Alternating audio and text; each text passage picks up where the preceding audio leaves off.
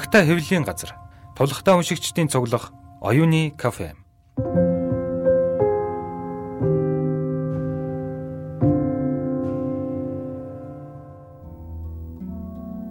За тагтаа хэвлэлийн газраас уламжлал болгон зохион явуулдаг Үлдэхүүх подкастын удаагийн дугаар эхэлж байна. За манай өнөөдрийн дугаар болохоор олон улсын орчуулагчдын баярын өдөртөө давхцж байгаагаар их онцлог юм дугаар болж байна. За тэгэхээр өнөөдрийн дугаарт саяхан тагтаа хэвлэлийн газраас эрхлэн хэвлүүлсэн өнөө цагийн Солонгосын нэрт зохиолч Ким Йонхагийн эх орончин дуудаж байна. Романы орчуулагч Дэлгэрмата та бүхнийг олзуулж байна. За өнөөдрийн мэд хүргэе. Энэ өдрийн мэд хүргэе. Сайн байцгаана уу? За бас энэ өдрийн мэндэж жагаар бас баярын мэд хүргэе. Баярлаа. Энэ зохиолчийн одоо Монголд хэлэгдэж байгаа энэ бол одоо 20 дахь армаа. Өмнө нэг армаа гарсан, өмнө нэг зохиолон гарсан. Тэгээд энэ зохиолтоор нь анх яаж танилцсан, энэ зохиолчийнхаа тухайга энэхүү дугаар яриг эхлэе. Аа тагтаагаас тагтаа хэвлэлийн газраас эрхлээ хийсэн их орончинд дуудаж байна зохиол бол Монголд хэвлэгдсэн хоёр дахь армаа нь зохиолчийн өөрийнх нь дөрөв дэх армаа. Монгол уншигчд бол энэ Солонгосын уран зохиолын гол төлөөлөгч болсон Ким Йонхо гэдэг зохиолчтой надад өөрийгөө хөнөөх эрх бий гэдэг зохиолоор анх танилцсан бол дараа нь тагтаа хэвлэлийн газрын үүсгэн байгуулагч Баясгалангийн дур булаам өгүүлгийн төвөр дээрээс гэрэл ургийн газарт гарсан аллага өгүүлгийг уншсан баг. Тийм. Тэрний дараа одоо ингээд 2021 онд их орончинд дуудаж байна боيو Your Republic is calling you гэдэг зохиол хэвлэгдэж гарч байна. Тэгээд юуны төрөнд зохиолж байгаа талаар бас ярих нь зүйтэй болов уу гэж бодож байна. Зохиолч маань 1968 онд Өмнөд Солонгосын Камондо аймгийн Хуачан гэд хушуунд төрсөн. Аа тэгээд цэргийн хүний хүүхд юм байл л дээ. Тэгээ баг багада нэг цэргийн хуарангаас нөгөө цэргийн хуаран руу нүүдэлж явдаг байсан болохоор хаан чотсон өөрийгөө ерөөсөө тийм гадны хүнээр одоо төснө одоо мэдэрч одоо байнга нэг шинэ газар тасан зохицох хэрэгтэй одоо тийм мэдрэмжтэй бага насаа өнгөрүүлсэн.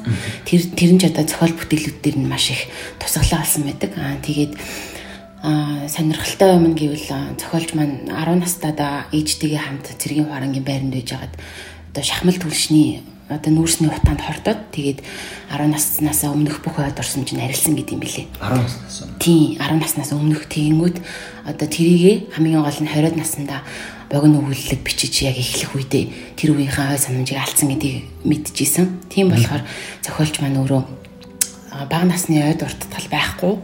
А өөрийгөө яг ямар газар яаж өснө ерөөсөө сандгүй. Тий өөрийнх нь яриагаар болохоор өөрийгөө ерөөсөө тийм ямар нэг газар тариалагддаг хүн биш үндэсгүй. Зүгээр ингээ усан дээр хөвөөл явж байгаа хүн шиг мэдэрдэг гэж ярьсан байдаг. А тэгээ зохиолчийн маань үнцэн мэрэгжил нь болохоор Янсек сургуульд 93 онд бизнес удирдлагын чиглэлээр Янсек сургуулийг дүүргэсэн.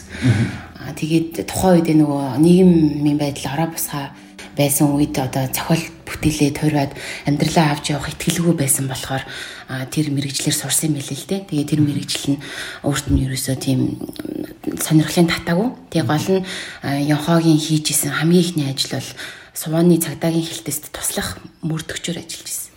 Тэгээ энэ мөрдөгчөөр ажиллаж исэн нь болохоор маш тийм гярхай одоо тийм болгоомжтой одоо зохиолууд дээр нь ч гэсэн айгүйх тийм гимт хэргийн сэдэлтэй үйл явдал айгүйх гардаг тийм болохоор мөрдөгч хийжсэн айгүй тэр нөлөөлт юм билээ л дээ.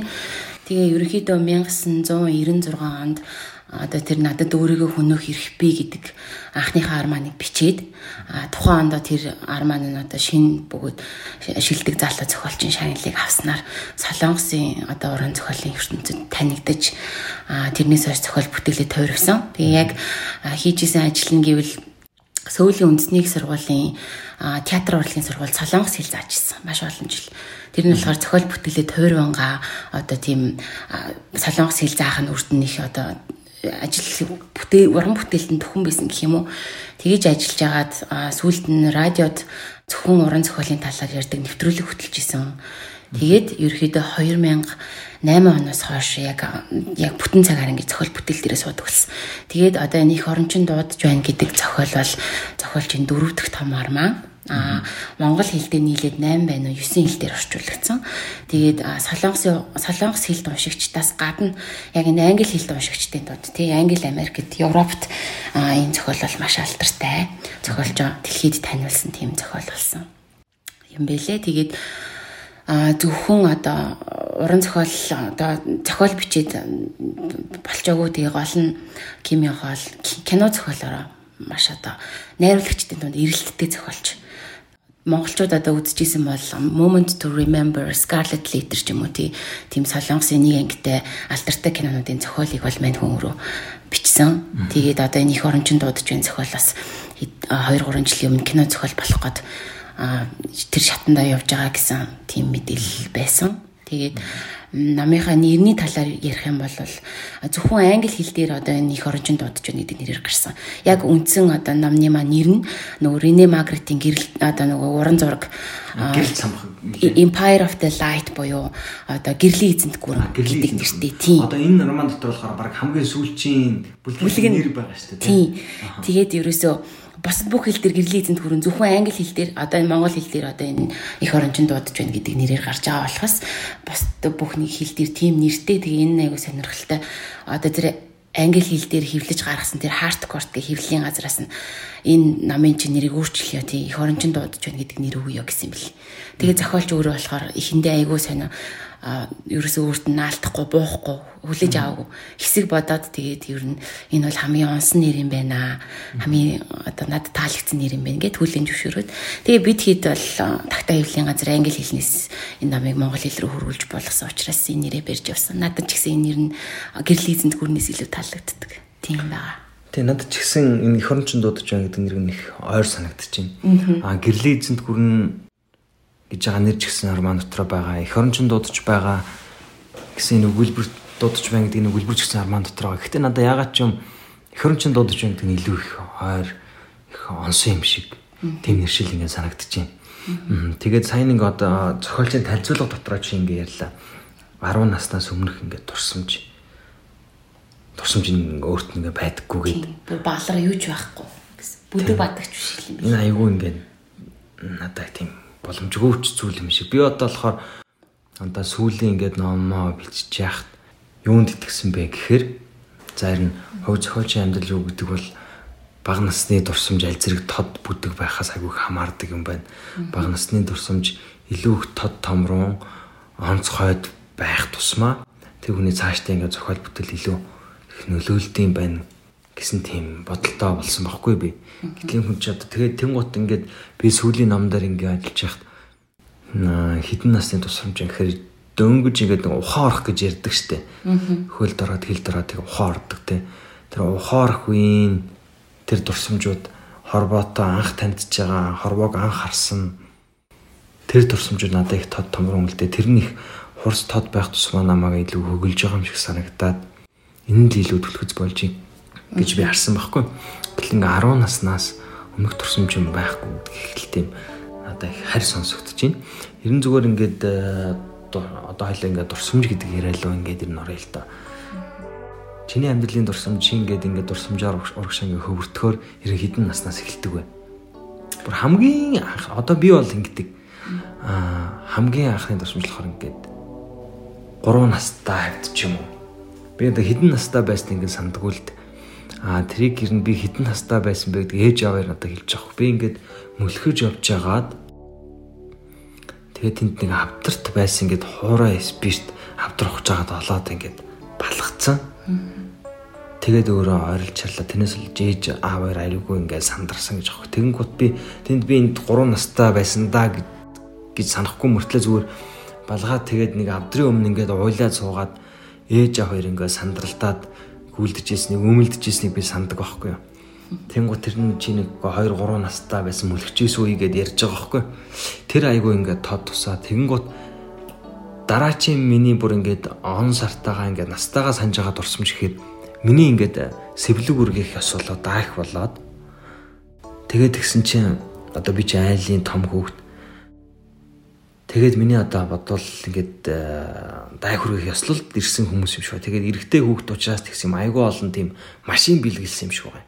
Тоглоом машин бэлэг. Тэгээд би юу сандаг вэ гэхээр хойдолд нэг ингээд миний хартал энэ тэнтэл нэг гэр байна, Монгол гэр байна. Гэрийн уртлын зүлгэн дээр би ингээд нэг 20-од машин ингээд ар араас нэг уралдуулаад жагсаац өөрийгөө тойруулаад ингээд машинууд ингээд уралдуулаа явж байгаа. Тэр дурсамжийг санддаг байхгүй. Тэмүүт энд миний ингээд дайх болж ин гэдгийг би бол сандаг байсан. Тэгэхээр ч одоо нэг 99 99 он 8 оны үе юм уу та. Тэмүүт би он сартаа дурсамж ингээд жишээ миний дурсамж бол ингэж эхэлдэг байхгүй. Аа тэгээд би юу гэж бодох вэхээр аа гэтэл тэр чи одоо 99 он гэхээр миний 5 настай. Тэгэхээр өмнөх тэр 5 6 жил ихийнхээ хөвлөд олдсон нас гэвэл ингээд 6 жилтэйг нэлээд тэр 6 жилийн минь амьдралын дурсамж хаа байна гэж айгүй хайдаг байхгүй. Тэнгүү тэр надад айгүй харамсалтай санагддаг. Яагаад би өөрөө туулсан мөртлөө миний амьдрал мөртл ингээд тэр бүхэл бүтэн 6 жилийн амьдрал ингээд миний ой тонд байхгүй байна вэ? гэж айгүй их боддог. Хэрвээ бараг л одоо миний хүслэр бол бараг л ингээд ихийнхээ хөвлөд олдоол ингээд ихийнхээ хөвлөд дотор л бараг ингээд дурсамж бичигдэж эхэлчихвэл надад айгүй сайн байгаа байхгүй юу? Хөвлийн дээр ургийн дээр усан дотор ингээд орчин ертөнцийг хараад ингээд юм бодоод эхэлчихвэл надаа гэтэл ингээд тэрнээс хойшоо ингээд яваад 99 он хүртэлх тэр 5 6 жилийн амьдралын дурсамж надад байхгүй амар харамсалтай санагддаг. Хэрвээ энэ дурсамжууд ингээ байсан бол ямар их үнцэнтэй байх байсан бол гэж би айгүй их боддог. Гэтэл энэ зохиолч ингээд 10 нас хүртэлх 10 хэдэн жилийн ингээд дурсамж ингээ байхгүй тийм. Хэм чиний амьдралын дурсамж ер нь хаанаас эхэлдэг? Тийм миний амьдралын дурсамж ч гэсэн ер нь ухаан ороод нэг дөрвөө юм уу тав дөрвөө юм уу тав настай. Ямар үйл явдлаар чиний ой танд бууж байна? Ерөнхийдөө би айгүй тийм яриа тийм хүмүүсийн дунд ороод ахтай хамаатан садныхаа дунд ороод яриа л одоо баг ингээл өөрөө сандгууч гэсэн хүмүүс ярдیں۔ Дөнгөж хилд ороод нэг мойтой ахтай хүртэл аяга барил тийм ингээл би энд байна. Надад хоол өгөөч гэл нэг айгүй тийм юмнаас хоцорчих вэ гэсэн шиг нэг адтай тийм хүүхдээс ингэж ярьдیں۔ Тэгээ миний өөрийн санджаагаар л би чинь дарханд өссөн. Тэгээд би хаана өссөнөө мэдж байгаа. Ямар хүмүүсийн дунд өссөнөө санаж байгаа тий. Ээж аавхан хажууд байсан. Чиний ярьж байгаагаар одоо хамгийн тод санаж байгаа нь бол миний сэвлэгийг үргэж байгаа үе ч юм уу тий. Нэг 5 маа настай үед ч юм уу. Тэр болгоноо би аягүй сайн сандаг. Аа ямар одоо нутагт яаж өссөн бэ гэдгийг маш их сандаг тийм. Гэтэл гэтэл зохиолч маань хувьд болохоор Пүл бүт 10 нас хүртэл юу хийж яаж амьдарч ямар хүмүүсийн дунд байсан тэр дурсамж нь бүгд байхгүй. Тэгээд ээжтэйгээ хамт тэр одоо угаарт хорцсон болохоор ээж нь бас яг санахгүй тэр хүүхдийн бага насыг. Тийм болохоор бид нар шиг одоо жишээ нь чинийг багтаа ингэжсэн штий гээд ээж аамаа хилчдэг шиг кими явахад одоо хилж хүн байгаа, ярьж хүн байгаагүй. Тэр нь зохиолчийн одоо тэр нөгөө өөрийгөө одоо ухаж төнхөх гэх юм уу тий бүр өнгөрсөн үеийг айгуу тэгж тэрсэлдэх гэх юм уу тийм нөгөө зөрчлөөс одоо тэр зохиолч болох эхлэн тавигдсан юм да гэж би бодсон. Тэгээд яг хаа тэрийг санахгүй байна гэдэг гонигтай. Гэхдээ нөгөө талаараа бас зохиолжийн ярьж байгаагаар бол аа миний баанаас яаж өнгөрснийг санахгүй байгаатайгаа адилхан би би Нью-Йоркт ч юм уу тий Сөүлд ч юм уу Нью-Йоркт ч юм уу Лондон ч юм уу хаан ялгаагүй би яг тэр газрын хүн юм шиг одоо тасан зохицож уусаж ингэж амьдр амьдрч чаддаг гэж өөрөө хэлжсэн байхгүй бас тийм даваа тал байж магадгүй юм байна. Тийм. Айгуу тийм монголчууд айгуу ойрлоо. Монголчууд өөрийгөө нүүдэлчин гэдэг юм бэл. Тийм. Монголчууд айгуу ойрлсож манайхс ч одоо ингэж нөгөө гадаад оронд амьдрах амьдрах тэр үйл явц юг ярхан гутал хамгийн тэр юу гэдэг вэхээр л монголчууд ингээл хаага очисон газар айгуу урд нь ингээл тасан зогцдог. Аа. Гэсэн үг л баг хамгийн түрүү. Явхагийн ер нь зохиолынхын дөрүүд аа тийм энэ гарч байгаа үйл явдал бол тий одоо ерөөсөл тасан зохицох тухай штэ. Хүн хороо тэр хурж ирэл. А тэр нутаг орон тий тэр их орон одоо чухал. Гэхдээ хүн нэг газараас нөгөө тасан зогцдог. Өөрийгөө хаанч байсан нэг харь хүнээр мэдэрдэг одоо. Чам тийм мэдрэмж төрдөг л хэлбэт тий. Би одоо энд ч харь юм а тэнд ч харь юм а өссөн газарч би харь юм. Би одоо яг хаанаас ирсэн? Хин юм болоо гэл амьдралынхаа утга учирыг хайгаал ингэж явдаг. Тэр нь бол бас зохиолынх нь яг гол шугам юм болоо гэж би бодсон. Яг өөрийнхөө дүрийг одоо ингэж Жишээний нэг орончин дуудаж байна зохиол төр Ким Кион гэдэг тагнуулчийн дүрээр хойдоос умардаас өмнөд ирж суурьж байгаа тэр тагнуулчийн дүрээр өөрийнхөө дотоод сэтгэлийг айгүй сайн илэрхийлсэн болов уу гэж боддог шүү. Ийм зүгээр альба орон зохиол альба арманы үг гин ер нь хувь хүний амьдралд айгүй тийм холбож ойлгох айгүй дуртай. Тэгээд нэгээс нөгөөд ингээд нүүдэлдэг байсан гэж надад тийм Кавкагийн Франц Кафкагийн тэр нөгөө бага насны амьдрал энтертэй айгу ойролцоо надад сайн сонсогдлоо. Тэр чинь худалдаачны хүүхд ингээд нэг сэрхтэл өөр газар ингээд сэрцэн. Тэгээд тэр нь тэр хувирал туужи ихэнд байгаа дан гэдэг ингээд шавж болцсон юм шиг ингээд сэрж байгаа нь нэг өөр газар сэрэх чинь айгу өөр өдөг штэ. Ингээд сэрээд гэртээ байна угаа сэртэл өөр обо харагдал өөр овж харагдал ингээд айгу сонио хувирсан юм шиг тэр ингээд сараанд орчлоо. Тэгээд хойлоо ингээд дурсамж гэдгийсээ ингээд за яг хөө саяны битүүрийн ярьсан туршлагын ингээд хов хүний дурсамж байгаа байхгүй. Аа тэгэхээр энэ эх орончин дуудаж мэ арман дээр болохоор тийм улс орны ховд ингээд дурсамж гэж юу вэ? Аа гэдэг зүйлийг сөхөж ярих юм ёстой юм шиг надад ингээд санагтаад аа эн чинь болохоор одоо ингээд хойд солонгосоос өмнөд тагнуул сууж байгаа юм хүний амьдрал 20 жил сууж байгаа хүний амьдрал аа тэгээд Нэг нь болохоор ингээ арслан солонгос болоо явуулсан. Тийм. Нөгөөт нь болохоор ингээ социалист орно. Одоо баг дэлхийн сүлжээ юм хаалттай орно тий. Тэнгүүд Монголтой айгу тийм ойр ингээ санагдаж байгаа байхгүй. Тэнгүүд ингээд энэ болохоор ингээ Монгол дээр ад үзэх юм бол энэ социализм гэдэг бол яг манай улс орны хөв тийм дурсамжийн хэсэг байхгүй. Гэхдээ маш тийм саяхны ойрын дурсамж. Зүгээр ингээ бүр хувь хүний амьдрал дээр ад үзэх юм бол баг салаад удааг байгаа амраг юм шиг тийм зүйл. Тэгээд нөгөө социализм гэдэг зүйлээс манай улсд үлдсэн дурсамж, дурдтгал, үүх, түүхийн улмөр шарах сов айгүй их ихтэй. А гэхдээ яг бид нар тэрийг хойшоот болгоож нэг бичдэг нь л баг болохоос биш. Тэгээд арман ингэж эхэлж байгаа юм л да. Би ерөөхдөө бол энэ нөгөө нэг хайког болохоор энэ арманы хамгийн гол зангилаа тийм зүйл гэж бодож байгаа. Жоохондох наймаалж. Тийм. Би нэг одоо уншаад өгч. Зуны шөнийн саран доор зэрбэсхэн зүудлэх лонхтой наймаалж бод гэж байгаа. Энэ тэгэд ямар учиртай вэ гэхээр энэ болохоор ямар нэртэй хайк вэ гэхээр Акашигийн шүн гэдэг хайк байгаа байхгүй нэртэй. Тэгээд загасчд наймаалжийг баг орон зай сонгож нуугддгийг нь бодолцож шөнийн цагаар шавар лонхуудыг далаад хайдаг. Агаад өглөө мөнөөх лонхуудаа татаж харгана дотор нь орж нөөгдсөн наймаалжийг гаргаж авдаг. Наймаалж хамгийн сүүлчийн зүйтэй энхүү лонхонд нүүдэн зүудэлдэг ажээ гэж тайлбарсан байна. Энэ тэгэхээр энэ бол нөгөө нэг Арманыг цаашаа ирнэ, Арманы үйл явдлыг цаашаа хөвөрдөж явах тэр нэг хөвөрхий утасны сэжүүр нь бол энэ гурван мөрөө аахгүй. Энэ гурван мөрөөс тэгээд Кёны хувьд бол ер нь хамгийн сүүлчийн зүйтэй а өмнөд үед одоо ардчлан солонгос зүүдэлж байгаа нэг өдөр нь бол энэ роман тэгээд нь гарч байгаа. Тийм энэ романд гарч байгаа. Тэгээд ер нь энэ романы нөгөө дотоод бүт зохион байгуулалтын талаар нэг өдрийн үйл явдал ингэ өрнөж байгаа. Тэр байгууламжийн талаар бас асууя.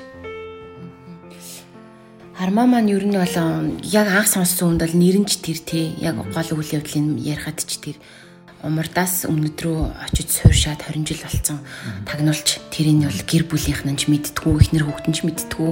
Зүгээр нэг дундж амьдралтай сөвөлд кино импортлдог. Одоо тэр одоо 40 иргэм насны ирийн тухай байгаа шүү дээ тийм тэгээд тэнгууд одоо яг үнэндээ бол тий 24 цагийн амьдралыг л энэ хүний одоо тэр умар цалонгосоос буцаж эх орондоо ирэх одоо даалгавар авсан тэр 24 цагийн амьдралыг л ингээ харуулчихж байгаа. Тэгээд ерөөхдөө бол ингээд дотроо хит хитэн дид гарч ихтэй бүх үйл явдал нь цаг цаг ингээд цагаар бичсэн явдаг. Тэгээд хувь хүний амьдралаар тэгээд тухайн одоо нэг гэр бүлийн амьдралаар ч юм уу ингээд 1980-аас одоо 2000-ад оны хооронд яг үнэндээ өмнөд солонгос ямар нийгмийн өөрчлөлт гарсан юм бэ? хүмүүсийн амьдрал яаж өөрчлөгдсөн бэ тий тэр үүх түүхийг бүгдийг нь өгүүлчихэж байгаа.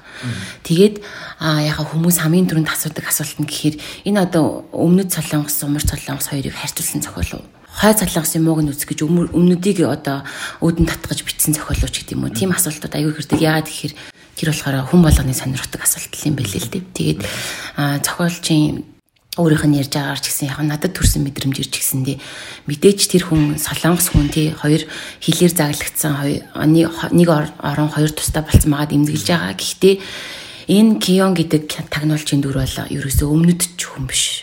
умартч хүн биш гэдэг жаахгүй.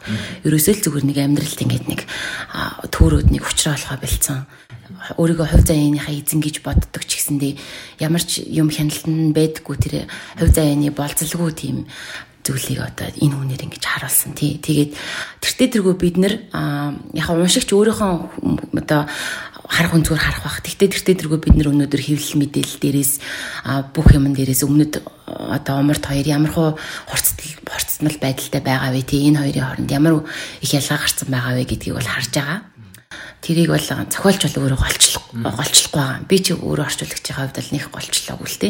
Гэхдээ голчлохгүй байх юм бас арга байхгүй. Яа тэгэхээр энэ зохиол дээр гурван улс гээд нэг бүлэг гарт чи санаж байгаа бол.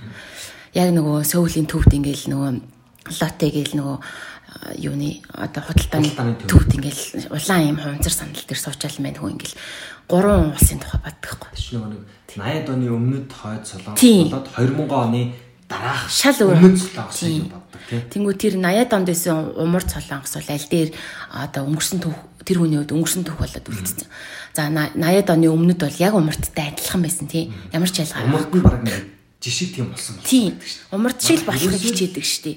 Ийм улс болох юм шүү бид нар энэний хойноос л явах юм шүү. Ийм улс бүтээн байгуулахын төлөө л бид нар хичээгч таашаа өссөн тэр тийм ихтгэл хүсэлтэй болсон залуучууд нь тий. Тийм, тиймдээ чинь хүн чинь дөнгөж анх одоо тэр тагналжийн одоо бэлтгэл 4 жил умартад сурж агаад өмнөдөд хурж ирээд хамгийн түрүүнд хийсэн даалгавар нь одоо тэр цаанаас өгсөн даалгавар нь бол энэ зүүнний үзэлтэй өмнөд солонгосын одоо оюутны хөдөлгөөнд орж байгаа шүү дээ. Тэнд нөгөө сүүчи лөө. Зүүчи, зүүч үзэл нөгөө одоо химчэн ирийн одоо нөгөө одоо үнэлсэн гэх юм уу те зүүч үзлийн үзэл дээлийг нөгөө өмнөдийн залуучууд айгүй их дэмждэг. Тэгэл нөгөө хувьсгал хийх гэл.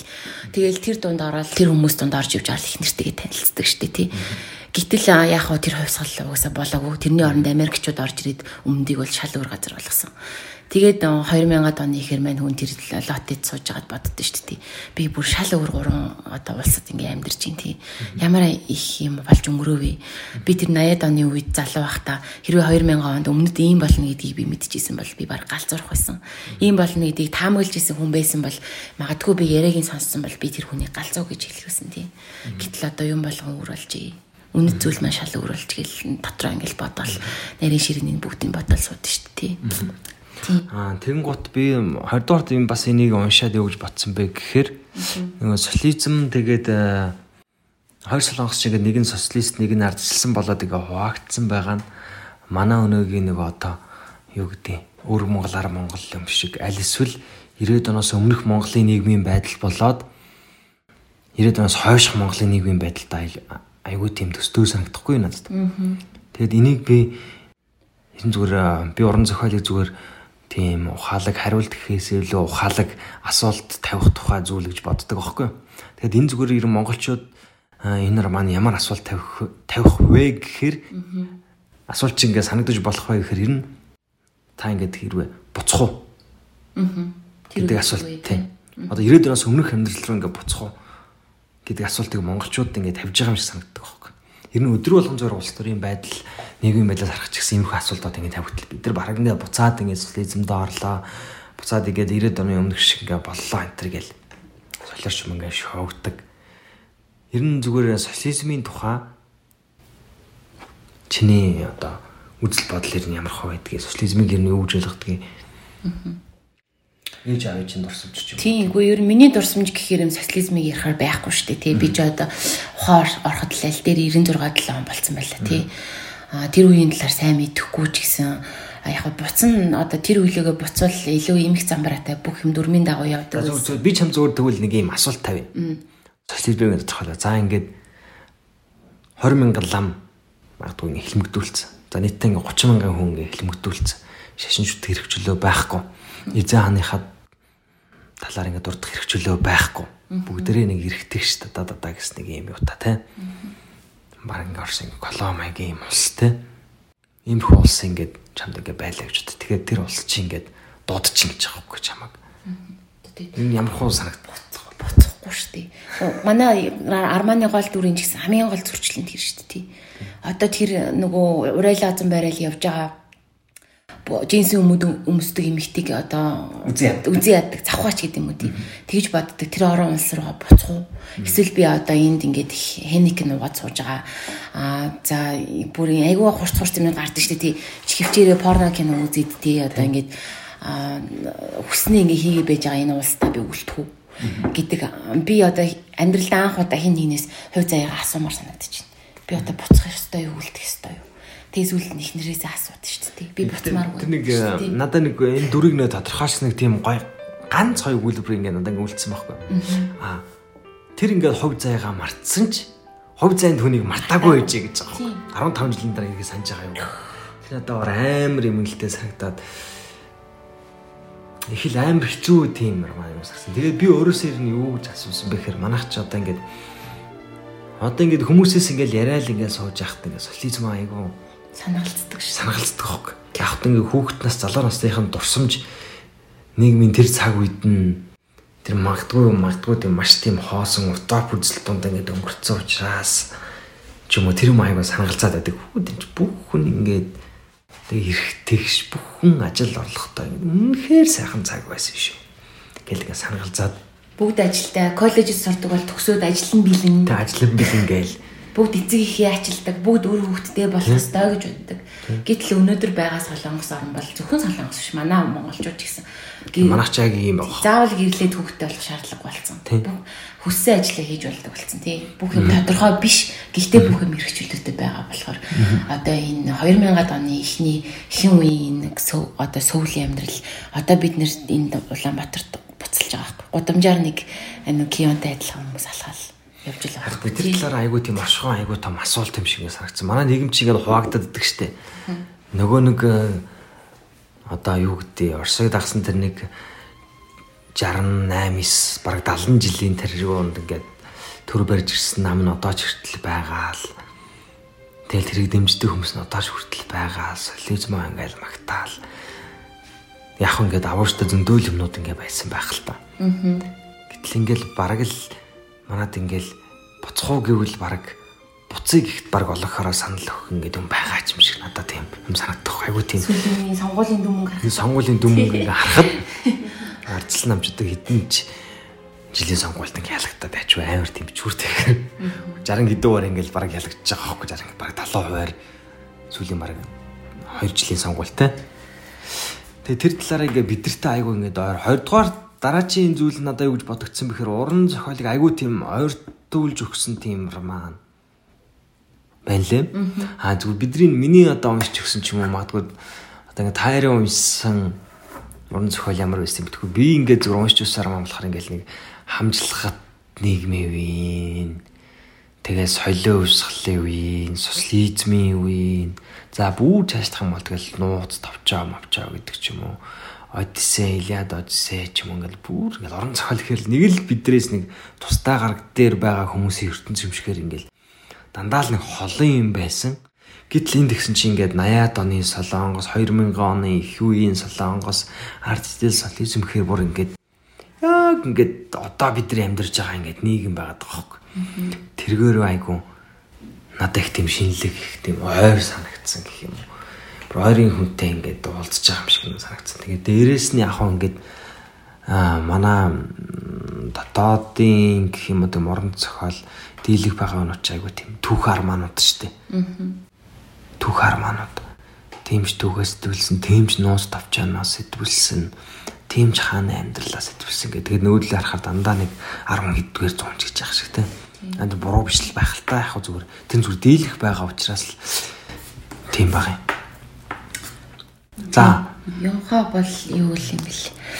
Йонхогийн угаасаа яг барьж авдаг гол сэдвүүд нь бол орчин үеийн залуучууд хот орон газрын хүмүүст яг юу тохиолдож байгаа вэ? Тий одоо энэ нэгнээсээ айгу тийм харшиж айгу хөндөрөх одоо энэ харт амхинд донтох ч үт юм уу тий ижил хүсний асуудал энэ сэтгэл готрол ч юм уу тий тийм нэг хурц хурц сэдвүүдийг айгүй гярхаагаар олж харж бичдэг. Тэгээд өөрөө бол одоо яг солонгосын уран зохиолдог орчин үеийн зохиолчд гэхээр нэг 10 хэдэн зохиолч байх шиг байна. Тэр дундаас бол янхаа бас маш тод ялгарч гардаг нь болохоор энэ сэдвүүд энэ сэдвүүдийг ингэж маш гэрхаа болж хараад айгүй тийм тод хурц дүрслэлээр айгүй товч тодорхой харилцан яриагаар гаргаж ирдэг. Тэр нь болохоор яг залуучуудын л амьдрал тий бид нарт айгүй ойрхон тий би өөрөө арманыхаа гол дүр болсон байгаа юм шиг. Тэгж айгүй ойрхон санагддаг. Тэгээд нөгөө айгүй гоё ишлэл байд юм аа нөгөө ихнэр нь хэлдэм би нөгөө хорвоо ертөнцийг эргүүлж чадна гэж боддог байсан. Залуудаа тийм. Гэтэл одоо би амттай идэх хүслэж барьж чадахгүй тийм. Надад хийж чадах юм нэг ч алах тийм. Тэгэл тэнгууд нөгөө манай гол дүрч гисэн айгуу тийм одоо тагнуулч хүн чинь айгуу гэрхаа штэ тий айгуу тийм анзаарахтай гэх юм уу. Одоо жирийн биднэрээс бид бидний бол айгуу өөр Тэгээ бүх хэмээ хяналтандаа байлгаж байгаа. Би хувь заяага атгах байгаа. Аа миний хүснэр миний амьдрал явна гэж боддог байсан. Хүн болгоно магадгүй ийм мэдрэмж төрдөг. Гэтэл бид нэр тэр гэтэл тэр хүнд ганцхан цахимшуудын ирээлтэй хувь заяаны хэрхэн өөрчлөгдөж тий. Даалгавар дөрөв ирээл тий. Тэр хүн яаж самгардаж тавчдаж тий. Тавгүй нэг өдөр өнгөрч ин тий. Айгуу хэцүү штэ тий. Тэгээ тэрнийхээ учрыг олохгүй явах тусмаа төөрдөг тий. Юу ч учрыг олохгүй тий сүүлд нь тэгдэж штэ. Би юу нь юу ч мэдэхгүй л мэдх юм. Яг л хүний нөгөө амьдралын л баг мөн чанар юм ба тий. Тэр бол маш тийм сэтгэл эмдэглүүлэм өвлэн зөвшөөрөхөд хэцүү ч гэх юм уу тийм. Залуу хүний үед тийм л мэдрэмж төрж исэн. Тэр нь бол дүр болгон дээр гардаг. Зөвхөн энэ гол дүр дээр биш. За тэрийг залгаж дараа яриа. Тэгээд одоо бас өнөөдрийн манай подкаст дээр энэхүү номын редактор Яруу наригч зохиол Дэлгэрмаа агч маань бас ирсэн мөгөлц ирсэн байгаа. Тий. Хоцроо дөнгөж саяхан орж ирлээ. Тэгээ дээгчээсээ бас энэ манай тухайн санал сэтгэлдлийг нь сонсоё гэж бодож байна. За За одоо шууд би лав ингээд зохиолч басна тий шууд яриа явуучил гэж бодож байна. Надад нөгөө ингээд солонгосын уран зохиол гэдэг юу нь бол миний ч төдийгүй манайхны хувьд юу нэлийн юу л та хол одоо тий бид нар сайн мэдхгүй. Тэгээд нэг одоо юу гэдгийг кино төдийгөөр ч юм уу бид нар солонгосын урлагийг ойлгож исэн бол энэ Ким Йонха гэдэг хүн бол үнэхээр яг орчин цагийн зохиолчин байна. Тэгээ орчин цагийн солонгос хүнийг биднэрт яг үнэхээр бодтой ойлгуулахаар тэгээ солонгосын урлаг хаана яваг, солонгосын орчин үеийн зохиолчт нь юу бидэрч яваг нэг баг чатуга өөр өөрө харуулж байгаа. Ийм тэгээ маш чадварлаг зохиолч юм байна гэж одоо нөгөө зөвхөн редакторын нүдээр биш өөрөө нэг юм хүн бичих гэдэг хүний нүдээр бас нэг давхар харахаар надад тийм аюу шин сонин огт мэдгүй ертөнцөө нээж байгаа Гэхдээ зохиол нь болохоор уг нь яг л цэвэр юм амьдралаас урган гарсан юм чинь нэг тийм юу байгаа хгүй. Тэгээ нэг юм манайханд нэг юм зохиолын талаар нэг юм зөрчилтөө ч ихүү үйл ялэг таашаач ихүү бодол гэдэг нөгөө уран зохиолыг хит зохиомл Тэгээ ингээд зохиох гэж ярихаасаа ахуулаад ингээд хит зохиомл хит хиймэлтэй тийм гэж ойлгох юм шиг надад одоо санагдаад байдаг. Тэгээ байрж авж байгаа сэдвүүд нь ч гэсэн дандаа ингээд одоо байгаагаасаа холдоод аль болох юм холоос ингээд ямар нэг байдлаар биччихэд нэг юм буруутахгүй ч өөртөө нэг буруу холхон байхаар тийм хол хөндий зайнаас бичээд байгаа нь ингээд уламж ингээд харин зохиолчдын чадвар өөрсдөө ингээд өсгөд баг хортооч юм шиг зарим талаар надад санагдаад. Тэгээд тийхэд энэ Йонха яг орчин цагаа бичсэн тий Тэгээд тэр бидний ойлгодог зохиомл, зохиол гэдэг имийг болохоор үгүй эн чин зохиол гэдэг чинь амьдрал гэдэг хүний түүх гэдэг тий. Тийм хүний түүхээрээ дамжуулаад одоо соёлын, улсын юу гэдгийг хүний нэг түүхээр л өрөөсөө бүх юмыг өгүүлж болт юм шиг үдийг л амар тийм гой бодтой харуулсан. Тэгээ одоо үйл явдал модлын ярих юм бол цочирдомж юм гарч байгаа нь тий.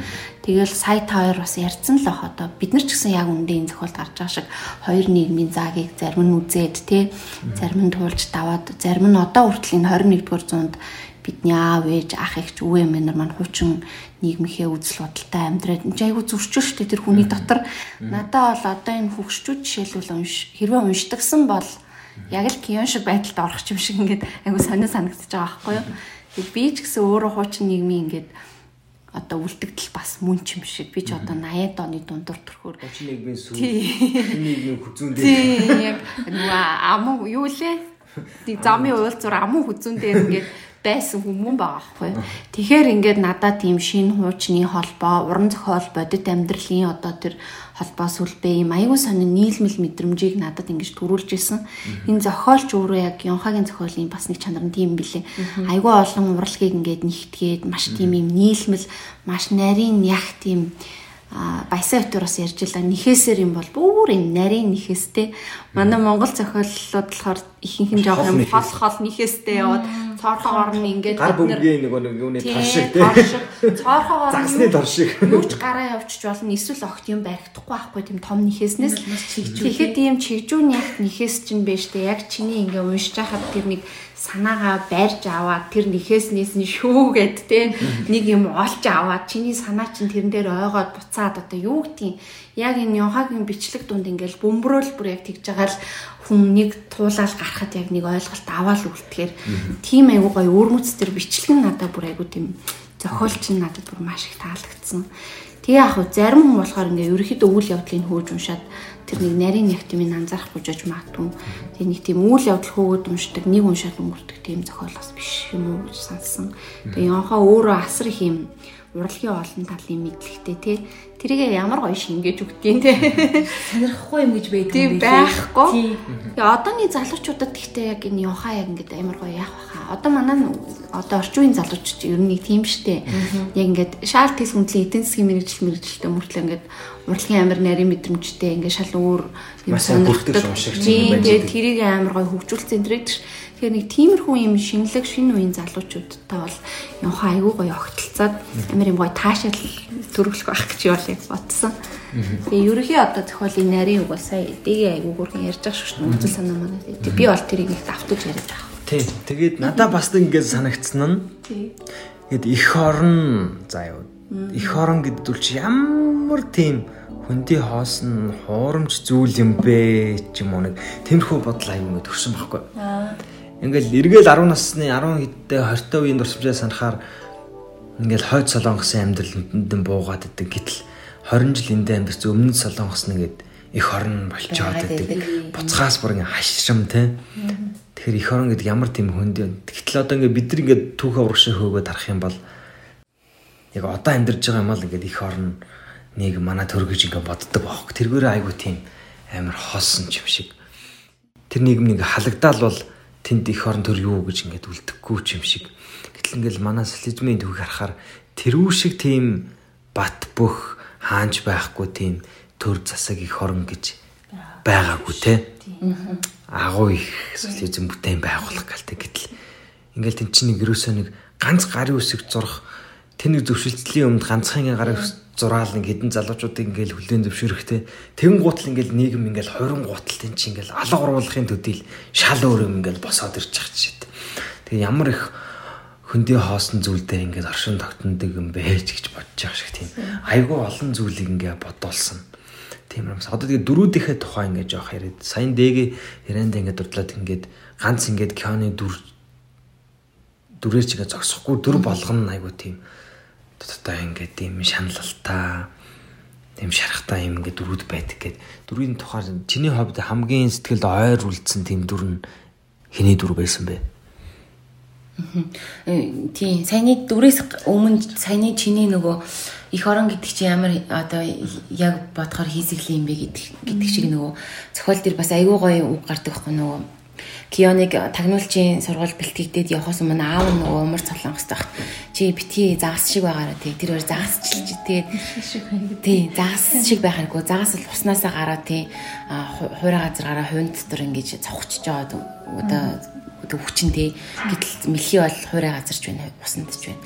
Тэнгүүд хүн дасан зохицох ёстой хаана байгаа газар. Тэр дасан зохицсон газар магадгүй тэр хүний хувьд амьдрах ёстой газар нь их орн ч юм уу тийм байдаг тэрийг бүр айгүй толгой дотор шингээж авчихсан санаж байна. Тэгээд дөрүүдийн тухайд бол 24 цагийн үйл явдал дотор маш олон дүр гардаг шүү дээ тий. Одоо Кион байна эхнэр нь байна, охин нь байна тий. Тэр гурван хүний бүх одоо тэр өдөр юу туулж ямар хүмүүстэй уулзч сэтгэл дотроо юу мэдэрч байгааг нь бүгдийг гаргадаг. Хажуугаар нь тэр өмнөд солонгосын тагнуулч залуу байна, чулсуу гэд тий. Тэгээд тэр соожигээд залуудаа одоо хайр сэтгэлийн холбоотой байсан эмэгтэйч байна уу. Одоо тэр эхнэрийнх нь ажлын газрын менежер харт амхинд онтогч байсан. Залууч байна уу. Ингээд бүгд нь бүгд гардаг. Тэг тэр дүр болгон цаана бага насныхаа түүхийг өгүүлж идэг. Яг тэр бага нас нь 80-аад 80-аас 2000-аад оны үед өнгөрсөн ч юм уу тий. Тэр үед гэр бүл нь юу туулсан бэ? Ээж аав нь ямар одоо сэтгэл жаргалтай байв. Тэр хүн хүүхэд хүүхэд байхдаа жишээ нь одоо юу гэж бодож ив ч юм уу тэр болгоноор цаагуур нь одоо солонгосын нийгмийн одоо тэр өөрчлөлт хувьсэл тэр болгоныг маш гярхаа тийм нарийн харуулсан тийм миний хувьд бол хамгийн сэтгэлд хүрсэн дүр бол эхнэрийнхэн дүр байсан. Маш татгшоогоо одоо маш ер нь бол хүүтэн хүндий хинд ч сэтгэлээ нээдгүй хүндий хайр сэтгэлийн холбоотой болоод гэрлээд өчнөн жил амьдрахта Мари бол өөрөө ч тийм хүн болсон байгаа тий. Бүх бүхний ингээ хаадаг тий. Бүх хүнээс өөрийгөө тусгаарладаг тийм болсон. Охин нь хүртэл ээжийг миний хойдыч гэж бодсон байт шүү. Тий, охин нь хүртэл гэж боддог. Тэгээд тэр тэгээ тэр нөгөө сэтгэлийн одоо хоосрал гэх юм уу тэрийг нөхөх гэж одоо нөгөө залуухан хүнтэй ингээ уулздаг ч юм уу тий болох болохгүй мэддэг ч юм уу хүмүүсийн нүдээр харахад ч тий. Тэгэл дотроо нөгөө мари чи бол ийм амир одоо ийм шалтаа буухан биш дээ тий. Чи бол маш том хүсэл мөрөөдөлтэй байсан. Амьдрал тайртай байсан. Ийм юм ихтэй. Тэгэхээр чи өнөөдөр ингээл явж ийн гэл нөө өөртөө ингээл зурчилдвал тэрийг ингээл нөхөртөө яриа л тийм Тэгэл ер нь яг бас энэ арманы гол юм нь Йонхогийн ч гэсэндээ бас гол одоо барьж авдаг сэдвэн гэх юм бол гэр бүлийн асуудал. Одоо өмнөд солонгос бол гэр бүлийн асуудал маш хурцлцсан. Одоо нөгөө эцгийн эрэхт ёстой нөгөө ээж аав нь хүүхдүүдэд төрүүлээл эргүүлж хүүхдүүд нь ачлаа л тийм. Юм одоо ерөөсөй байгаа болсон. Залуучууд бол огт хүүхдтэй болох хүсхийг хүсдэг болсон. Гэрлэхийг хүсдэг. Гэрлсэн ч ер нь тэр хүнээ нөгөө ямар хүн бэ гэдгийг ерөөсөй мэд мэдэхгүй мэдхийг ч хүсдэггүй ч юм уу тийм хайр хүндий хүмүүс бие биенээсээ тэгж айгүй тусгаарлагдж байгааг энэ хоёр хүн хоорондоо яаж үл ойлголцож бие биендээ ямар их хаалт тавьж хоёр талд ямар аз жаргалгүй байгаагаар гурван талд юм уу те охин охин ч гэсэн айгүйх тэгж харуулсан болоо гэж боддیں۔ Тэгээд нөгөө Кион сүүлд нөгөө солон өмдийн тагнууллын газрынхантай уулзаад Э, чи одоо ингээд энэ бугуун цагийг зөв гэрте хайр гэж хэлэхэд нь айгуу гоё өгөлтөн шүү дээ. Эцэг их байна гэдэг чинь бол хүүхдтэй айл болох сайхан дурсамж үлдээх.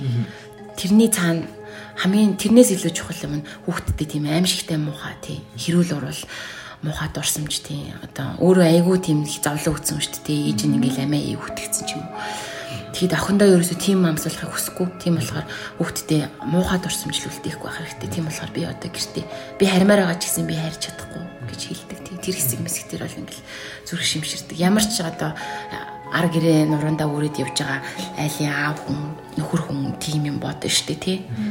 Бидний л амьдрал гэдэг гэж бодогдчих. Түр гэхлээр За дээгч аль түр вэ? Тийм дүр гэд би харин сая бодож илаа. Манайхан ч уран зохиолд бас дүрийг амар чухалчилж ярьдэн шүү дээ. Дүрийн сэтгэл зүй онцлог гэл ингээл ярьдаг. Тэгэхээр нөгөө дүр гэдэг юмыг нэрээ өстой тэгж яадаг хүмүүс бол яг энэ ном өөрөө тэр чигээрээ дүрүүдээс бүтэж байгаа байхгүй. Тэр 24 цаг дотор ихийн Йонхагийн хийц болохоор яг тэр хүн нэг бүрээр буюу тэр бүх дүр нь чухал. Одоо манай зохиолд болохоор нэг дүр нь айгүй товоогоод манай уламжилт одоо соц реалист юм тийм тэгээ дүрээ харин тийм баатар гэж ярьдэн шүү дээ. Нэг нь муу тал, нэг нь сайн тал. Тийм баатар гэж ярьдаг. Тэгээ хит туйлчилж дүрээ илэрхийлдэг болвол нөгөө явхаа ч нөгөө яг өөрөө тийм амар гой бодтой зохиолчлохоор энд гарч байгаа бүх хүн л яг тэр дүр те бүгд яг гол дүр бүгд яг өөр өөрийнхөө дүрийг бүр ингээ хангалттай тултал ингээ үзүүлээд тэр нэг хүнийг дагаад эоныг дагаад явхад л бид нар энэ солонгосын орчин цагийн дунд сургуулийн орчин хүүхдүүдийн сэтгэл зүй те тийг ингээ бүгдийг мэдчихэж байгаа байхгүй. Тэгэл тэр марыг дагаад явхаар яг энэ амар хөгжсөн энэ глобалчлагдсан дэлхийн ертөнцийн нэг бас өндөр хөгжилтэй тий орчин үеийн юм улсын нэг гол залуухан бүсгүй одоо яаж амар ганцаардж чинь тий гих мэдчлэн яг дүр дүрийн дагаа явхаар бид нар яг дотроосоо бас амар өөрсдөө ингээд бидрэхээр тий тийм тэгээ цаагаараа тэр хүн бүр дээр яг ингээд яг уу Кион мэдээж гол дүр, Кион тагнуултай. Кионоор ингээд бүх юмыг яагаад байгаа боловч тэнд гарч байгаа бүх дүр яг өөрийнхөө мөгийн хэлсэн шиг зохих ёстой асуудлуудыг яг хүн нэг бүрд тавиад тий. Магадгүй нэг Монголын нэг дунд сургуулийн сурагч охин Ионыг уншихад бас одоо ямар мэдрэмж төрхийн энэ айгүй их сонирн байхгүй юу. Тэгээд одоо тэр чолсууч гэсэн тийм ингээд нэг их гарахгүй ч гэсэн чолсоо хүртэл ингээд яг өөрийнхөө түүхийг тултал өгүүлээд надаа болохоор яг Кион маань л хөрхи одоо их ойр яасан юм уу? Манай аав бас өөрөө тагнуулын сургууль мургал төгсөж исэн ч гэдэг юм уу? Нэг юугаар жижигхэн сэжим нөгөө надад холбоо үсчингүүд тэр тагнуулч хүн гэдэг миний хувьд бас нэг юм аюу бодиттой болоод ирж байгаа байхгүй юу. Тэгэл за жишээ нь манай нөхцөлөд ийм байгаад Монголын тагнуулчд ийм байдал тулгарвал яах вэ ч юм уу бодоол. Тэгсэн чинь ингээл яг бодож байгаа байхгүй. Би жишээ нь манай аав байсан бол нэрэл гэр бүлээгээл бас яг кион шиг шийдвэр гаргах байсан багтаа. Тэгээ сая муу бас ирлээ шүү. Их орон гэдэг чинь ямар амар юм гүнзгий мөргөн агуулгатай ойлголт мөртлөө бас хүн яг өөрөө өөрийнхөө амьд одоо гэр бүлд тий өөрөө өөрийнх нь чинь одоо амь настай ч юм уу холбогдоод яригадад ирвэл чи их орно гэх үү амь насаа гэх үү гэл ингээд айгүй амар том асуултыг ин тавьж байгаа байхгүй энэ зохиол. Тийм айгүй том асуулт тавьж байгаа байхгүй.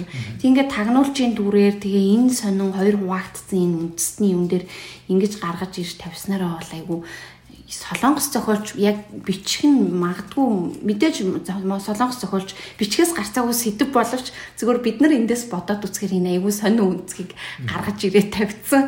Надад яг тийш санагдчихсан аах. Тэгэхээр Кионы дүрл надад хөрхи ингээл тэр мухардж байгаа тэр ингээд бүх хүнтэй хүнийг өөрөө холбож байгаа шүү дээ. Одоо тэр нөгөө нэхээс дунд чин гол учих нь Кион л яваад байгаа байхгүй юу. Тийм болохоор яг Кионыг бол их ойлгож тэ юу ки амир тийм үрдмөр те айгүй мундаг тагнуулч бэлтгэгдсэн хүн гэхэд тэгээд нэг мэйл ирэхэд л тэр хүнийг ямар амар хэцүү тийм шаналнд унгаж जैन те яг тийм. Яг хөө бид нарын хувьд ингээд өнөөгийн нийгэмд ингээд юу гэдгийг заавал одоо кион шиг тагнуулж байгаад улс орн хуваагдсан байгаад ийм асуулт тавигддгүй маа гэхэд зүгээр нэг хаашаач эргэж мэдхээр дэлхийн ертөнц шүү дээ. Ер нь эн чинь те тийм хувь тавилан болцоогүй. Одоо тэгээд хүний заяа төөрөгч гэсэн ер нь ингээд одоо зарим цаанаасаа зурцсан байсан гэж ярьдаг. Зарим нь одоо чиний сонголтын үр дүн ч юм ингээл ярьдаг. Хүн тэгэхээр ер нь хувь заяа гэдэг юм юм амар тийм. Хизээч нэг талаас нь ботхоор тайвшраад суух юм юугүй те. Нэг болохоор чамд юуч тохиолдож болох юм чинь чи эсвэл зүгээр ерөөхдөө ингээд зүнгөөр амьдр ч юм уу? Надаа юм нэг сонио хоёрдмал бодлыг ингээд төрүүлж мөрүүлээ тий. Өөрөө ч тэр нь яг тэр хүнийг те мэлхий шиг амьдргээд яг ингээд нэрээ амьдрал чинь яг ингээд зурцсан нэг тойрог дотор ингээд энэ улс бол ийм л ах хэвээр энэ хүн бол ийм л ах хэвээр ямар ч боломжгүй. Бүх юм тийм зурд юм хүртлэн айгүй тийм болцоогүй абсурд чанартай гэдгийг явахаа ингээд. Айгүй гоё илэрхийлээд байгаа л бүр ингээд надад айгүй гоё буусан. Нэг мундагдаагүй те. Зүгээр нэг өглөө усгаасаа эхлээл нэг тэдний гэр бүл кионыг нойрмгөл сэрэл ихнэрээ тэмтэрч мэмтрэл ингээд шүд мүтэй угаа халбар амар ахуй мөртлөө. Явж байгаа мөртлөө тэр дунд яг ингээд тэр нэг хүний оршихуун асуулт доторх эргцүүл одоо драмаар бол монолог гэмээр юмнуудын тэр үйл явдал донд ингээд оруулаад оруулаад. Тэр байна. Надад бас яг ямар мэдрэмж төрсөн бэ гэхээр ингээд ингээд зүүрлэх юм бол байна штэ. Нарийнхаа тийм одоо гуурш шиг зүйл заяа бүр ингээд утас шиг тийм нарийнхаа ингээд үл мэдгэдэм зүйлийг ингээд миний доторлоо хамаа амаарч юм хамарлууч юм шургуулад дотор оронгуудаа тэр нь амар том юм болоод ингээд задраад дэлгэрч шиг надад санагдсан баггүй. Уран зохиол яг тэглэсэн байна. Тэнгүүт эхлээд уншингууд ингээд өдөр тутмын амьдрал ингээд нойрмглж бослоо тэр муурн ингээд дугарлаа залхахыг тий. Тэгэл нөгөөдхөө ягаал ингээл шүдэ. Тий. Шүдэ угааж хойно нохин нэрээ зогсцсон байлаа та та гэдэг. Би тэгээд мар лайтай гэж бодохгүй. Тэгэл тэгсэн чинь ингээд чаашаа хөтлөн гута хөтлж гута дотор ингээд нэгч шиг амар том юм бол задраад нэг бүр ингээд шүхэр дэлгэгдэх шиг ингээд задраад бүр намайг ингээд гайхшруулсан байхгүй юу. Аа нөгөө талаас би үгүй тайлбарлах байх ингээд хүний хөл дугаар эвтэхээ ингээд нэг юм юм ингээд тавьж байгаа сугтдж яваад хүн ингээд гэдрэг ингээд савуулаад ингээд ойжулж байгаа юм шиг. Тийм ингээд орон зохиол санагсан. Тэгээд ялангуяа энэ одоо миний үеийнх нь юм уу надаас өмнөх үеийнх шиг ингээд уран зохиолыг нэг сайн тал, муу тал, эсрэг тал, манай тал кинонууд нь ч гэсэн те тэгээд нэг гол дүр туслах дүр гэл нэг тиймэрхүү зүйлээр уран зохиолыг хүлээж аваад ингээд дадцсан. Тэгээд нэг дүрийг харахаар энэ гол дүр Энэ болохоор холбох маягтай юм дэр гол төрлөх амьдралаар ингэ яадаг мадаг. Иймэрхүү хүнд ингээд дадсан хүмүүсд уншихад аягүй сонирхолтой гол дүр гэхэд аягүй хөц. Ингээд энийг нэг том хан дүүрэн том нэхээс гэх юм бол ерөөсө энийг аль нь гол нэхээс бэ гэж ингээд харах тийм боломжгүй байхгүй.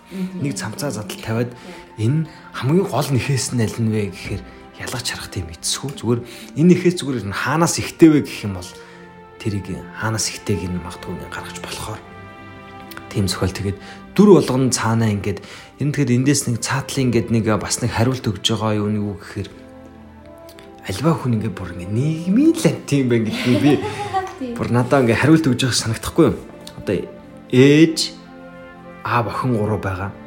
Тэнгууд нэг гэр бүлд ингээд нэг магадгүй 50 м квадрат ч юм уу 60 м квадрат хамт амьдраад ингээд явж байгаа мөртлөө гурван өөр хүн. Шал өөр өөр ингээд асуудлуудтай тэр асуудууд нь ямар асуудал вэ? Ерөөсөө л нөгөө нийгмийн асуудал байгаа хөөг тэр 16 настай охин ч гэсэн дөж гарч байгаа. Тэр тагнуул нөхөр нь ч гэсэн эхнэр нь ч гэсэн. Тэгээд зүгээр надаа ингээд амар ойр санагдсан дэр болох Маригийн дүр байхгүй юу? Эхлээд би нөгөө Маригийн дэрэг амар үзий ядаад. Тэгээд ингээд ер нь сууршмал ийм амьдралын ингээд гэр бүлийн юм хаягч ямар ч юм ингээд сони. Өглөө босоод ингээд пэрх гэж бужигнаал алга болчдөг. Тэгэл өглөө ингээд асуудаг штэ ээж нь. За тэгвэл чи ингээд тэндээ хоолоо идэх юм ингэх юм. Тэгвэл энэ орой хоолоо цуцтай ич ингээд ойлгочихгүй гээл. Хам хам хилцээл ингээд алга болч. Охин хойно хаалгаас ингээд алга болдог тий. Аатаа машин цугаал. За мэдсэ ээжээ би мэдэж байна зүгээр гэл. Тэгэл гараад үгээл тус тусын амьдралаа хөөгөл тэгэл нэг өдөр амьдарч байгаа амьдрал нь тэгээд хэдий олон хүний дунд амьдрах тусмаа тэр хувьхан амьдрал нь ямар тийм үн үн цэнтэй байгаа гэдгийг ингээ ойлгож байгаа юм. Тэгээд надад бол Маригийн дүр эхлээд эхлээд бол би Мариг аяга үзий ядсан баггүй. Үзий ядаад тэнгуут ингээл нөхөр нь одоо юунд санаа зовж ийн гэхээр баг хоёр улсын асуудал байгаа байхгүй. Хойд улс би сайн дээр нэг подкаст хийхэд ярьсан ингээд нэг лонхнууд ингээ шавар лонхон дотор ингээд сүүлчийн зүвдээ зүрлж байгаа 8 альжууд Кён бол яг тийм дүр байхгүй. Тэр яг 8 альж. Кён бол ингээд өмнө солонгостой сүүлчийн зүудэл зүудээ зүудлээд ингээд бүх амьдралаа эргэцүүлээд хоёр улсын асуудлыг эргэцүүлээд ингээд зовж шаналж явхад энэ ихнэр ингэж нэг бүтлгүй амт ингээд нэг 20 настай залуучуудтай ингээд масахнаал явуулдаал ингээд ямар ч тэнийг юмтэй ямар сан ханилгаагүй юмтэй гэж надад бодохгүй тэгв нэр ийм үг байдаг штэ. Хурганы зовлон хуц ойлгохгүй, хуцын зовлон хург ойлгохгүй. Хуцанд хуцын зовлон би хурганд хурганы зовлон би гэж байгаа юм. За нэрэл ийм байдаа энэ хүүхэн ч яаж ойлгох уу гэж ингээ бодоо. Тэгээд би нөгөө подкастыг хийхийн өмнө ингээд хүмүүст ярилцсан унш дууснуу аль дүр нь ингээ таалагдсан малагдсан. Тэгээ айгүй олон хүн гээд Мари гэдэг ихнэрийн дүр айгүй таалагдаад айгүй гоё юмхтэй энэ ингээд талцсан. Тэгээд би ингээд эцтэй бол яг гэрийнхээ хажуу тэр нөхөртөөгөө ингээд Мари хуулцаад доторхоо уудал доторхоо уудалдаг штеп. Бүх юм ярьдаг штеп. Задтаад ингээд бүр ингээд дагаад орилмоор бол бүх юм ярьдаг ашигчаад. Тэгэхэд би ингээд дүрийг бас ингээд даа ойлгож байгаа хөх. Тэгээд хөв хүний зовлон ганц хүний зовлон ингээд ганцдахгүй багтдаггүй юм байна Тэгвэл айгүй амар ингэ чухал зовлон байхгүй. Тэгээд надаа бас Маригийн дүр айгүй ингээд юу санагдсан. Тэгээд Маригийн дүр бол нэг тийм шилжилттэй үеийн солонгосын хүмүүсийн төлөөлөл охины бол яг 2000 оноос хойших үеийн солонгосын юм уу төлөөлөл юм дүрүүтэй. Тэгээд дүр болгон дотор ингээд амар асуудалтай. Тэгэхээр энэ норман дотор айгүй олон бүлэгтэй байсан шүү дээ. Одоо ингээд дөрүүд хин юу таалагдсан гэж бас хэлээ. Тэгээд бас хүмүүс сонирхолтой байх үүднээс аль бүлгэн та нарт таалагдсан бэ гэж би асуух гээд байна л да. Тэгээд надад бол болонгууд аман хууран сууц гэж байгаа байхгүй. Аман хууран сууц аягүй бай тийм. Ийм бол ёо бүр нэрээ. Аа. Айгуу сонь санагцсан. Тийм. Тэр нэг өхрөөд ирэхэд ээж ээж нь ингээд өөрийгөө алдсан байдаг. Тэгэл нэг уртаа харахгүй хонгол дундуур гүйжсэн чинь нэг охин татаж аваал ингээл яриад. Тэгээ тэр нэг хамгийн амар дүрслэн ингээд нэг орц болгоноос гэрэл гарч ирээл.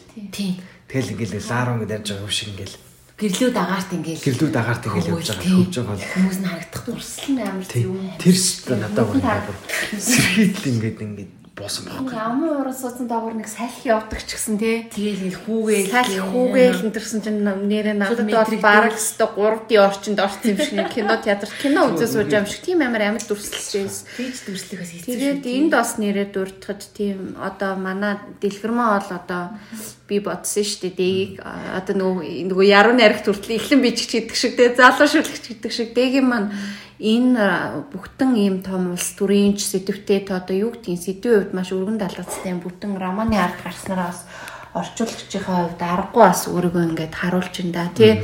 Тэр гоё амьд байдлыг хэлнийхэн тэр гоё онцлогийг тий зохиолынх нь онцлогийг яг л ингээд сайхан буулгасан юм шиг мэдээж бид нар одоо би эднэр солонгосоор нь бол уншихгүй тий. Тэгтээ ингээд тэр дээгээ бас аяг ингээ хайр хүрчсэн уншиж та тэгээд нөгөө одоо юу гэдгийг уран зохиолын цаана одоо явхаа одоо юм орчин үеийн модернист одоо ийм зохиолч байгаа ч гэсэн одоо саяын тэр аман урас сууцланх зүудэлж буйланхтаа наймалжууд ч юм гих мэт энэ бүлгүүдэд яг л нэрэ яруу найраглаг тийм дүрслэл гоё яруу юмнууд яваад тэрийг болохоор дээгээ өөрөө бас аргагүй юм уран зохиолын үнэн ч уншигч одоо юм тий мэдрэмжтэй сайн орчуулагч болохоор яг тэр нь тэр нь бас орж бууж дээ гэж би бол яг бодож ирсэн. Надад одоо сайн муу асуулт ямар бүлгүүд таалгасыг надад яг энэ хоёр аягүй сэтгэл төрүүлсэн байхгүй. Зүудэлж буйланхтай наймалчууд ам уурс уц хоёр. Энэ хоёрын яг тэр онцлог тэр нэг кино ах даалгавар аваад тэр нэг яруу найргаар даалгавар өгдөгтэй. Хайку майкугаар даалгавар нь гоё ирдэг тэр мэрч ингээ надад нэг гоё ингээ яруу найрагтай хүртэл одоо тийм амар ус төрийн юм амар юмыг яруу наригтай холбогдож байгаа нь өөрөө надад ийм сонин эсрэг цэсрэг хоёр юмыг холбож байгаа хүний дотор нэг юм айгу гоё шинэлэг тийм уур амьсгалыг энэ уран зохиол өгч байгаа байхгүй. Тэр аман уураас үзлэхээр яг өмнөгийн орчин үеийн өмнөд солонгосоос өнгөрсөн тэр юуны те хуучин нийгэм рүү одоо байгаа тэр ардчилсан солонгосын хуучин одоо социалист тогтолцоотой арчилсан солонгосын хуучин нийгэм рүү давхар буцчихж байгаа байхгүй. Энэ цаг хугацааны юм олон гоё юм оролт сүлжээс нэхээс юу гэдгийг тэр энэ нэг эргэлт буцалт тэр цаг хугацаагаар хүртэл бид нэрийг ингээд аялуулчихж байгаа нь айгүй гоё. Тэрий чинь ингээд тэр бол цэвэр зохиолч өвөр чадрахгүй тий.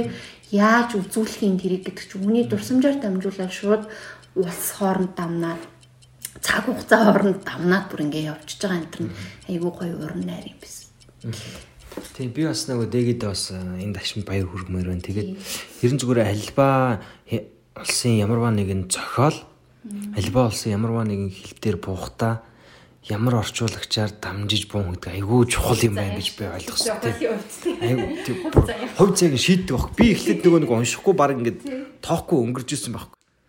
Яагаад тэгэхээр би өмнө нөгөө нэг би өөрөө шийдсэн ч лүү тэр эмэгтэй өөрийгөө хөнөөхөөр шийдсэн ч лүү нэг тийм зохиол нь гараад тэгээ би уншсан байхгүй. Тэгээд нэг их тийм сэтгэл татаагүй тэгээд заа зэ нэг байдгал барааны сам гэдэг шиг заа нэг ийм ялгарчлахгүй нэг самгийн дуур бичдэг гараа энтал гэж бодож жагаад энийг үсэн чи ингээд шал өөр тийм мэдрэмж бүр ингээд бахарх сэтгэл төрөө. Тэгэхээр альбаа ингээд зохиолч ямар орчуулагчаар дамж тухайн улсын хил дээр буун гэдэг маш чухал юм байна гэдгийг би энэс айгүй их ингээд ойлгож авсан. Тэгээд энэ подкастынхаа төгсгөлийн хэсэг тэр нь орчуулагчийн хөдөлмөр энэ аманыг орчуулах үйл явц энэ үед ингээд тохиолдсон юмны тухай тэгитгээ бас ярих гэж бодож чинь тэгээд нөгөө Кими Хата Кими Хагийн төршөөдөр манай орчуулагч тэгийн хүүхдэн төршөөдөр бас ингээд давхцсан юм байна. Тэгээ тэгээд ер нь энэ орчуулах үйл явцынхаа энэ хөдөлмөрийнхээ тухай ингээд сонсогч олондоо суулцаач ээ гэж хүсэж байна. Тэгээ тийхийгс тэрний өмнө зохиолынхаа талаар бас нэг миний сэтгэлд аюу үлдсэн юм ярихгүй өнгөрөөж чадахгүй. Альва зохиолчийн хувьд бол улс үндэстний одоо өөрийнхөө төрлөг хотыг ч гэдэг юм тий. Уншигчдад таниулна гэдэг бол бас аюу том үүрэг юм шиг. Байна. Тэгээ би энэ зохиолыг яг 24 цагийн дотор сөүлийг бол бүрэн зургалсан гэж бодсон. Өөрөө ч үлээсээс яг санаа авсан гэд яг ярьжсэн гэд 24 цагийн дотор сөүлийг бүр ингээ хөрөг гэх юм уу тий баг зургаар болтыг зурсан. Тэгээд хамгийн одоо нөгөө эртний нөгөө чонноо дүүргээс бүр тэр коекс гэдэг нөгөө том дэлхийн худалдааны төв байдаг тэр тэр хүртэл кионыг явуулсан байхгүй. Тэгээд бүр би өөрөө сөвөл амьдралдаа очиж үзээгүй. Тэгээд нөгөө би бүр ингээд одоо очивол би шал өөр л нүдээр харах байхгүй тий. Тэгэхэд Явхагийн бас зорилго нь гэх юм бол бид нэр ямар хотод амьдраад байгаа юм бэ тий. Энэ хот яаж өөрчлөгдөж байгаа юм бэ? Энэ хотод сайнтай муутай тий бүх юм байдаг. Маш сонирхолтой. Азийн баар болсон улс тий. Нэг нөгөө солонгос уншигчдад ч гэсэн айгуусаа харуулахыг зорьсон болов гэж утсан. Гадны уншигчдын сэтгэлд ч гэсэн яг энэ сүүлийн дүр зураг бол манай солонгост амьдардаг найз уншсан юм номыг. Би ерөөсөө ийм нүдээр харж байгаагүй сөүлэл үнэхээр бас л тий хайр татам тий маш гоё хот гэж хэлжсэн. Энийг бол сонцлмаар байна. Тэгээд тий тэгээ орчуулах үйл явцын тухайд гэвэл эхлээд намаа уншичаад эхний бүлгийг орчуулад яг нөгөө шантраад гэх юм уу би ч нөгөө айгүй шин залуу орчуулагч тэгээд айгүй их дүрслэлүүд одоо нөгөө яг кино үзээд эхэлж байгаа юм шиг бүх юм ингээл нарийн ширийн бичсэн тэгэл айгүй тийм залхмаар тавчтмаарч гэх юм уу амьсгалд ороод эхлээд би эхний бүлгийг орчуулчаад ерөнхийдөө эрүүл мэндийн шалтгаанаар орхисон байсан.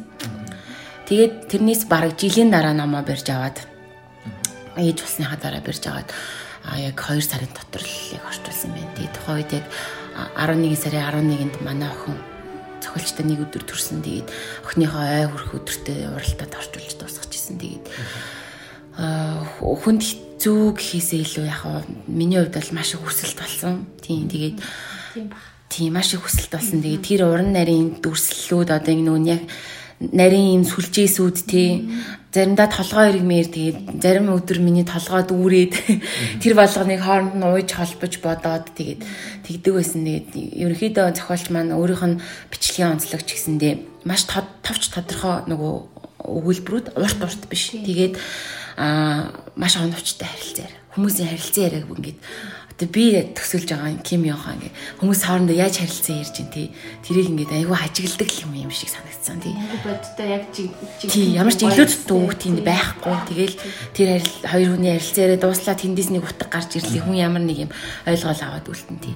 Тэр болгоныг орчуулахад бол ер нь айгүй их бахархах тий. Энэ хүнээр айгүй бахархах тийм одоо уран бүтээлчийн хувьд бол маш их уран зориг авсан тийм сайхан ажил болж дуссаа. А нэмээд яцлсан чи одоо энэ романы гол дүрний киноны дүрч бас нэг тийм кино гаргадаг нэг юм газар ингэ ажилдаг штэ. Кино импортлогч. Кино импортлогч. Тэгээд энэ романы нөгөө бичлэл тэдрийг харж байгаа ч гэсэн бас нэг киноны кадр шиг юм тас тас тас тас тас тас гэсэн нэг иймэрхүү нуута. Энэ тий тэгээд одоо баясагчийн сая орчуулсан тэр дург балан дотор байгаа гэрэл зургийн газар гарсан аллах гэж байна. Шинээр нь гэрэл зураг энэ дүрсний урлагтаа ирнэ энэ зохиолч өөрөө ирнэ ямар холбоотой судалж утсан уу? Өөрийнхөө солонгос зохиолын солонгос нэрийг бас ярьсан уу нэрээ? Ярьсан ярьсан. Гэрлээ эзэн. Гэрлээ эзэн. Зохиолч бол өстой киноны улаан одоо юу гэдэг юм бүр ингээд тонтон гэх юм уу бүр. Бараг зохиолоос илүү кино үзсэн гэж байгаа байхгүй бүр юм залуу наснаас эхлээл тий. Гэтэ яг яг зохиол бүтээлүүд нь бол Хемингуэй ч юм уу одоо манайхаас гарсан Милен Кундар байна шүү дээ. Милен Кундараа тэгээ нөгөө Кафка Толстой энэ. Тий Кафкаг бас айгүй их нөгөө одоо биширч одоо бичлэгийн юм аянд юу инспирэшн авдаг гэх юм уу? Тийм мэлээ тэгээд кино бол энэ хүний яалтчгүй бол амьдралынх нь хамгийн том хэсэг. Тэгээд өөрөө бол үргэлжлсэн өгөн зохиолоос гадна яг энэ кино зохиолороо түрүүн ч хэлсэн солонгостой бол номер 1 бүх кино найруулагчд баг Ким Ён Хог одоо гэж бараалж тийм санал тавьж одоо. Одоо энэ манай энэ гаргасан зохиолорч гэсэн кино их санал маш их ирдэг тий.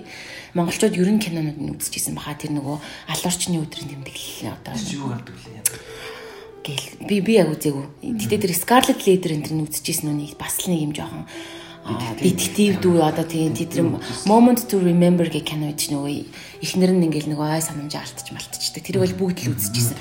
Бага архитектор нөхөр мөхөртэй. Тэр киногоороо болохоор бас шилдэг кино зохиоллын шагнал авчихсан.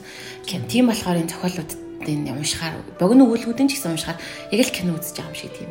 Тийм яг нэг кадргүйгээл одоо кинон дэр дэтгчт нэг хүний кадр дагаал ингээл нэг тасралтгүй кадр явж байгаа юм шиг одоо тэр эхлэл мэхлэл бол яг тийм байхгүй тийм тасралтгүй нэг кадр яваал яг тэрийг байгаад.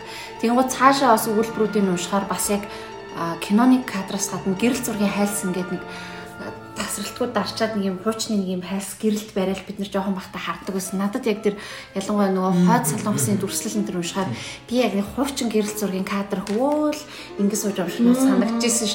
Яа тэгэхээр редакторл хаарч гэсэн өгүүлбэрүүд нь яг одоо юм тийм товчхон богино. Яг нэг өгүүлбэрт нэг зурагтдаг так так так так яваад байгаа байхгүй.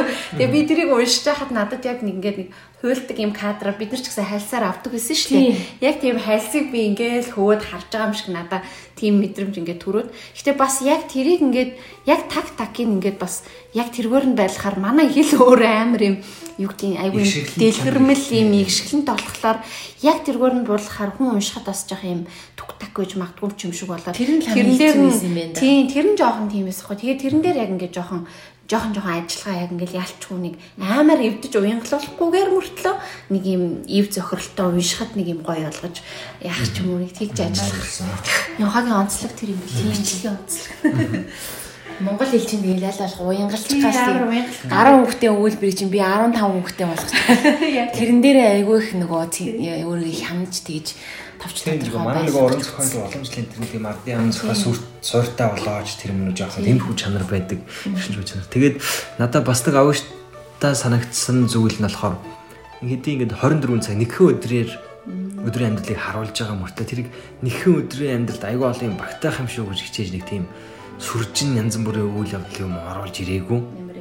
Яг л зөв хүний нэг өдөр ингээд ингэж өрнөж болно доо гэж бодогдмоор тийм үйл явдлаар ингээс үлдсэн. Тэгээд аа надад нэг тийм юу шиг санагдсан. Дуран байдаг та одоо ингээд нэг нүдний дуран ийшээ харуулаа бариул маш хол юм харагдана.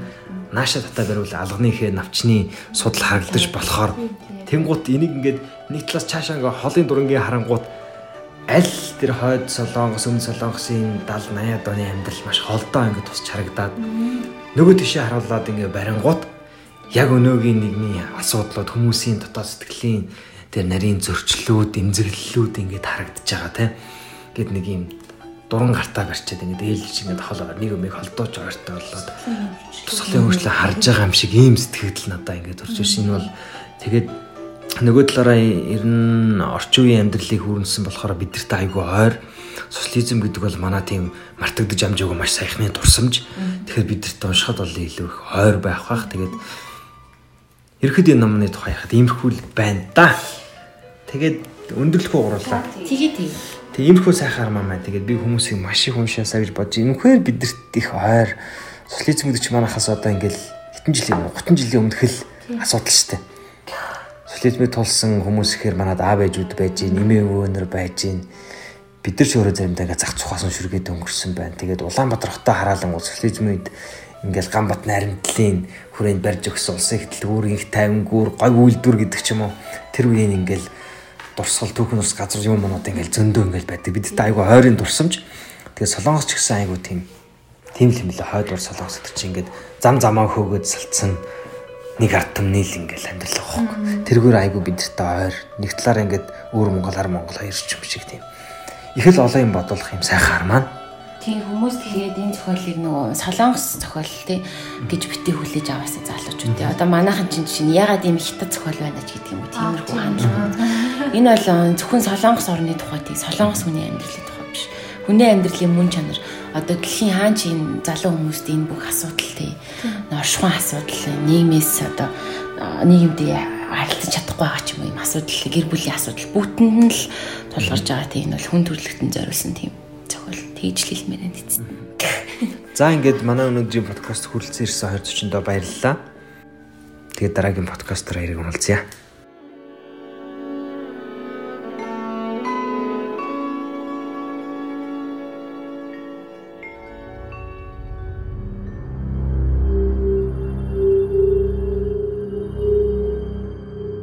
Би эцэст нь өөрийн шашнаа олсон билээ. Ном миний шашин, номын сан миний сүм хийд болсон. Жан Пол Сартр